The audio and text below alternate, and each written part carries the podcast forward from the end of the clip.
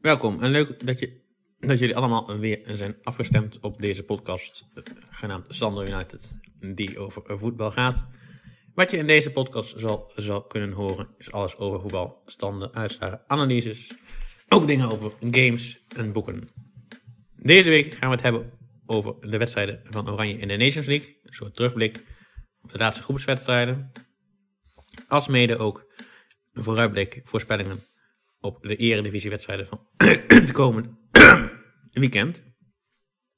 Dat zijn de wedstrijden van Ajax, maar goed. Dat komt zometeen wel langs. Mijn excuses voor mijn stem. Ik ben een beetje verkouden, moet ik, ik weet het niet. En misschien dat er wat Sinterklaasmuziek te horen is in deze podcast. Dat is nou eenmaal de tijd van het jaar. Maar ik probeer het zoveel mogelijk te beperken in deze podcast. Nederland speelden deze week twee wedstrijden in de Nations League. Afgelopen vrijdag speelde Oranje thuis in de Kuip tegen de wereldkampioen Frankrijk. Het werd 2-0. Ik had het niet zien aankomen. Oranje speelde heel erg goed. Ze wonnen met 2-0. Net voor in de 44 minuten kwam Oranje op 1-0 door het doelpunt van Jorginho Wijnaldum. En eigenlijk in blessuretijd, in de 96 minuut was dat, kwam Oranje op een 2-0 door een penalty. Geschoten door Memphis Depay. Drie dagen later gingen we richting Gelsenkirchen, waar we uit moesten spelen tegen Duitsland. Duitsland had iets goed te maken, want ze hadden tenslotte in de Johan Cruijff Arena op 16 oktober met 3-0 op de broek gekregen van Oranje. Duitsers waren niet zo heel slecht, die wedstrijd, maar ja, ze kregen toch behoorlijk op hun falie in dat duel. Dus ze hadden wat goed te maken. Duitsers begonnen ook heel goed. Werd in de 9 minuten al 1-0 door doelpunt van Timo Werner. En 10 minuten later zelfs 2-0 door een doelpunt van Sané. Daarna wist Oranje de schade te beperken. En ja, eigenlijk uh, ontstond er een soort wonder. Want in de slotfase werd Virgil van Dijk, centrale verdediger en aanvoerder van Oranje, naar voren gestuurd. Toen werd het in de 85e minuut 2-1 door een helemaal doelpunt van Quincy Promes. En in de bestuurtijd, of ik weet niet precies welke minuut het is geweest, maakte Virgil van Dijk de 2-2. Dus ja, dat betekent dat Oranje zich uiteindelijk alsnog plaatste voor de finale ronde in juni volgend jaar, juni 2019, van de Nations League. Omdat ze nog één punt nodig hadden om uh, gelijk te komen met Frankrijk. En Oranje heeft gewoon een beter doelsaldo gehaald in de Nations League, in de wedstrijden die ze hebben gespeeld. Dus hebben ze zich gekwalificeerd voor de finale ronde. En, daarmee zijn ze ook, maar dat waren ze al, groepshoofd tijdens de loting voor de kwalificatie van Euro 2020. En komen ze ook in een groep van vijf landen in plaats van een pool met zes. Dus dat scheelt ook weer een beetje. Andere landen die zich hebben geplaatst voor de finale ronde zijn Portugal, waar het ook wordt gespeeld, Zwitserland en Engeland. Ja, Engeland. Nu gaat Oranje in juni twee wedstrijden spelen in de halve finale. Mochten ze winnen, spelen ze nog twee wedstrijden volgens mij. En dan kunnen ze geldprijs winnen. In de Nations League zijn een aantal landen gedegradeerd en een aantal landen zijn ingebleven. We bespreken ze eventjes per pool, per groep. Groep 1. Nederland wint, gaat dus door naar de finale ronde. Frankrijk blijft erin, blijft in League A. Dit is allemaal League A. En Duitsland degradeert naar League B. Pool 2. Portugal wint, Italië blijft erin. En Polen degradeert. Pool 3. Dat was de pool van, uh, weet ik veel, even niet in mijn hoofd. Nou, maakt het niet uit. Oh, Zwitserland, België, IJsland, ja. Zwitserland gaat dan naar de finale ronde. België blijft en IJsland degradeert naar de B. Groep 4. Engeland wint, gaat naar de finale ronde. Spanje blijft, Kroatië degradeert naar League B. En gepromoveerd naar League A zijn Zweden, Denemarken, Oekraïne en, en Bosnië-Herzegovina. En ik weet niet precies wanneer de volgende Nations League plaatsvindt, maar ik gok dat die gewoon volgend jaar is, dus in het najaar van 2019. Maar precies uh, weet ik het eigenlijk niet, omdat het ook nog een nieuw toernooi is, dus weet ik niet hoeveel en vaak de UEFA die wil gaan organiseren. Maar ze willen hem uh, organiseren als vervanger voor alle vriendschappelijke wedstrijden. En ik moet zeggen dat het uh, toernooi me ook goed bevalt. De wedstrijden zijn natuurlijk een stuk serieuzer. En mag ook een stuk minder vaak wisselen, wat ook scheelt en wat ook een betere perspectief geeft voor de voortgang ook van het team. Want er is een soort nieuw elan ontstaan en Nederlands elftal kan zich opnieuw gewoon meten met de beste teams in Europa en in de wereld. Dus ja, als ze zo doorgaan, uh, zijn ze uiteraard een grote kans hebben voor uh, het winnen van het Europese kampioenschap in 2020. Dus over twee jaar, anderhalf jaar zo'n beetje.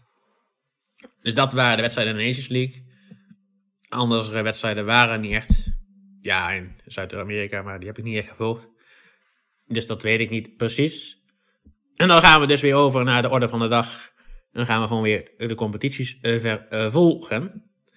Komend weekend beginnen we aan speelronde 13 in de Eredivisie. En er zijn een aantal wedstrijden die ik er even uit wil lichten van komend weekend. Dat is de wedstrijd NAC tegen Ajax. Ajax heeft altijd lastig in Breda, avondje NAC. En NAC draait op dit moment niet zo heel erg goed. Dus ik ga ervan uit dat Ajax daar gewoon met een 0-3, 0-4 gaat winnen. En dat moet ook wel. Maar goed, PSV zou misschien wel punten kunnen gaan verspelen thuis. Want ze hebben het altijd lastig tegen Heerenveen. Tegen Heerenveen. En nu zeker. Omdat Heerenveen een aantal spelers heeft die behoorlijk in vorm zijn. De denk ik bijvoorbeeld aan Flap. De huurling van PSV. Sam Lammers. Dat zou ook erg zijn als hij zou scoren tegen PSV. Maar goed, dat maakt er niet uit. En daarnaast natuurlijk Arne Zenelli. Die al 7 assists heeft gegeven. Tot nu toe de meeste ook in de Eredivisie. Dus uh, wat zullen we zeggen? Ja, 1-1. Ik zeg 1-1 gelijkspel. Ik hoop dat PSV eigenlijk een keer wat punten gaat spelen. En Ajax tot drie punten zou kunnen naderen. Dan gaan we ook nog even kijken naar Feyenoord. Feyenoord speelt tegen Groningen thuis. Nou, Groningen staat onderaan. Hmm, ik ga ervan uit dat Feyenoord gewoon wint thuis. Kijken ook nog even naar Engeland. De enige topwedstrijd daar die wordt gespeeld is die tussen de Spurs en Chelsea. Morgen om 6 uur. Hmm, wordt lastig. Ik vrees dat Spurs verliezen van Chelsea. Wel nipt, 1-2 zeg ik, 1-2. En verder, uh, ja, United en City spelen tegen makkelijke teams. Dus ik hoop dat ze allebei gewoon winnen.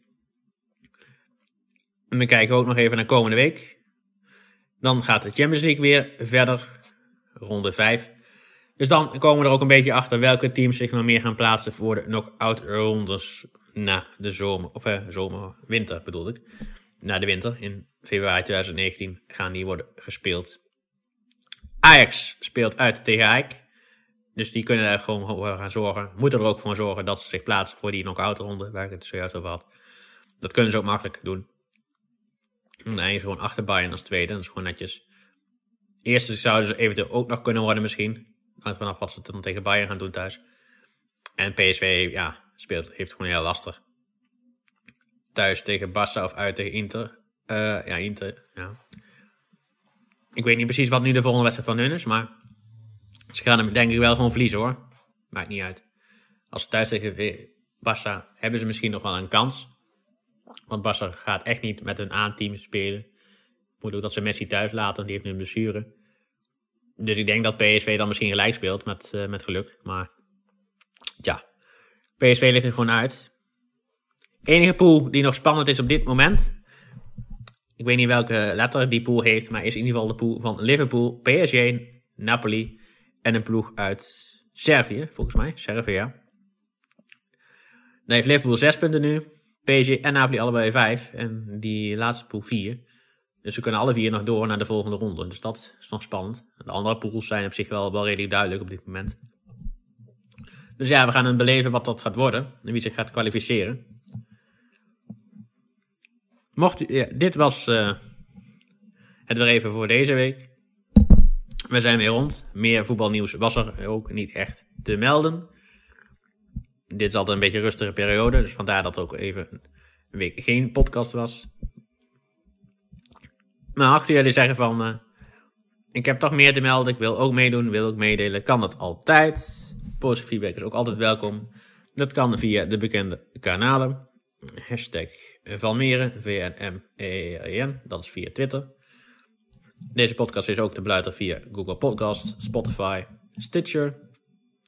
Ik weet niet of je daar kan reageren. Mocht dat kunnen, doe dat alsjeblieft en heel graag. Dat kan altijd. En have fun with the matches this weekend. En tot de volgende. Have fun. This was Thunder United. with your, met de voetbalpodcast.